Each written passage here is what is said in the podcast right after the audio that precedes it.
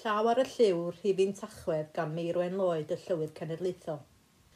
Fel arfer y mis Tachwedd, byddaf yn rhoi ychydig o hanes yr aelodau nawr yn gynnull y mis Medi ar ôl seibiant yr haf. Ond nid oedd Medi eleni yn fus arferol i gyfarfod, er bod llawer wedi manteisio ar y tywydd braf, a gwneud yn yr awyr agored. Rhaid wrth gwrs oedd cydymffurfio gyda chynllawiau diogelwch i Echyd Cyhoeddus Cymru a Llywodraeth Cymru – Er gweithaf yr anawsterau, rwy'n hynod falch o ddeall fod gen i mambell aelod newydd yma gacw wedi ymylodi am y tro cyntaf. Roedd Medi'r cyntaf yn ddiwrnod arbennig i'n mudiad pan gyhoeddwyd yr rhifin dwbl cyntaf erioed o'r cilchgrawn o mawr. Wnaethoch chi fwynhau'r erthyglau a'r lluniau lliwgar? Mae llawer wedi, ac mae'r ymateb wedi bod yn wych.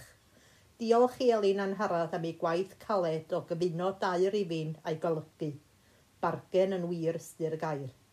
Diolch hefyd i Meryl ein golygydd cynorthwyol am drefnu'r posau. Os gwyddwch am unrhyw un sydd awydd hysbysebu yn ein cilchgrawn, cysylltwch ac fe drafodwn y telerau.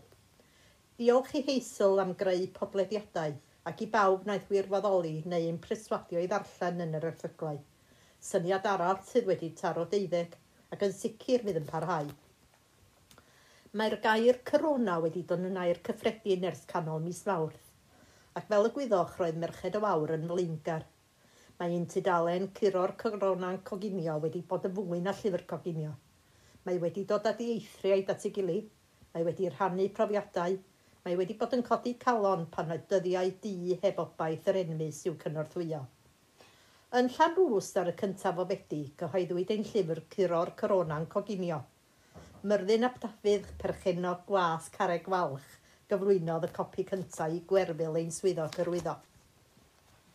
Gobeithio erbyn hyn bod pawb wedi gallu brynu er mwyn ei, ei hunain neu fel anreg delfrydol i'r hosan dolyg. Ar ddiwrnod y cyhoeddiad, cefais wahoddiad i stiwdio pnawn da yn Llanelli i drafod holl weithgareddau yn cyfnod clo.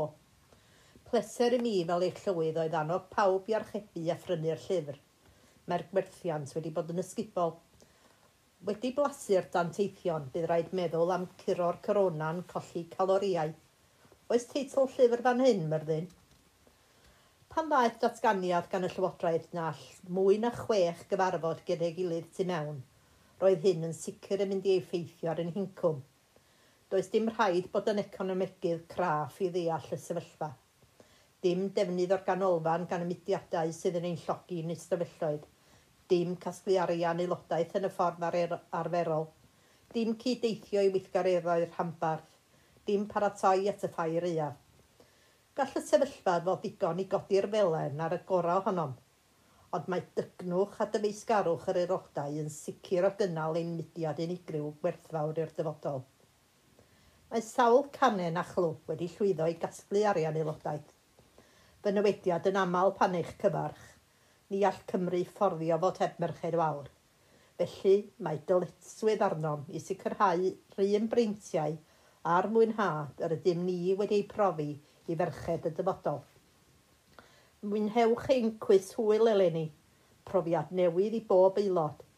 Rydym yn ymddiried ynoch i gadw at y rheolau. Ar hyn o bryd, ni wyddom sut nadolig a gawn yn ugian ugian, ond un peth sydd yn sicr – bydd y geiriau gofalgar, caredig, cymwynasgar yn berthnasol, i gynorthwyo eraill i gael dyfodol gwell. Mae ein cardiau nadolig ar werth yn y swyddfa, os nad ydych wedi ei derbyn drwy'r ganen, clwb neu rambarth yn barod. Pecyn o dde cerdyn am ddwy bunt 70 ceiniog. I'r aelodau crefftus ohonon, swyst hwyl ydych chi'n gael ar greu blodau gobaith. Erbyn bydd cylchgraw mis Mawrth o'r wasg, byddwn yn ceisio casglu'r blodau ar draws Cymru gyfan ar gyfer yr enfus enfawr yw'r harddonos yn Eisteddfod Ceredigion yn Rhegaron awst 2021. Mae hyn eto'n dibynnu'n llwyr sydd y tymor y gaeaf yn ymdopi gyda'r feirws. Gobeithio cawn brechlyn y fuan. Cofio'r atoch a daliwch i fod yn gadarnhaol.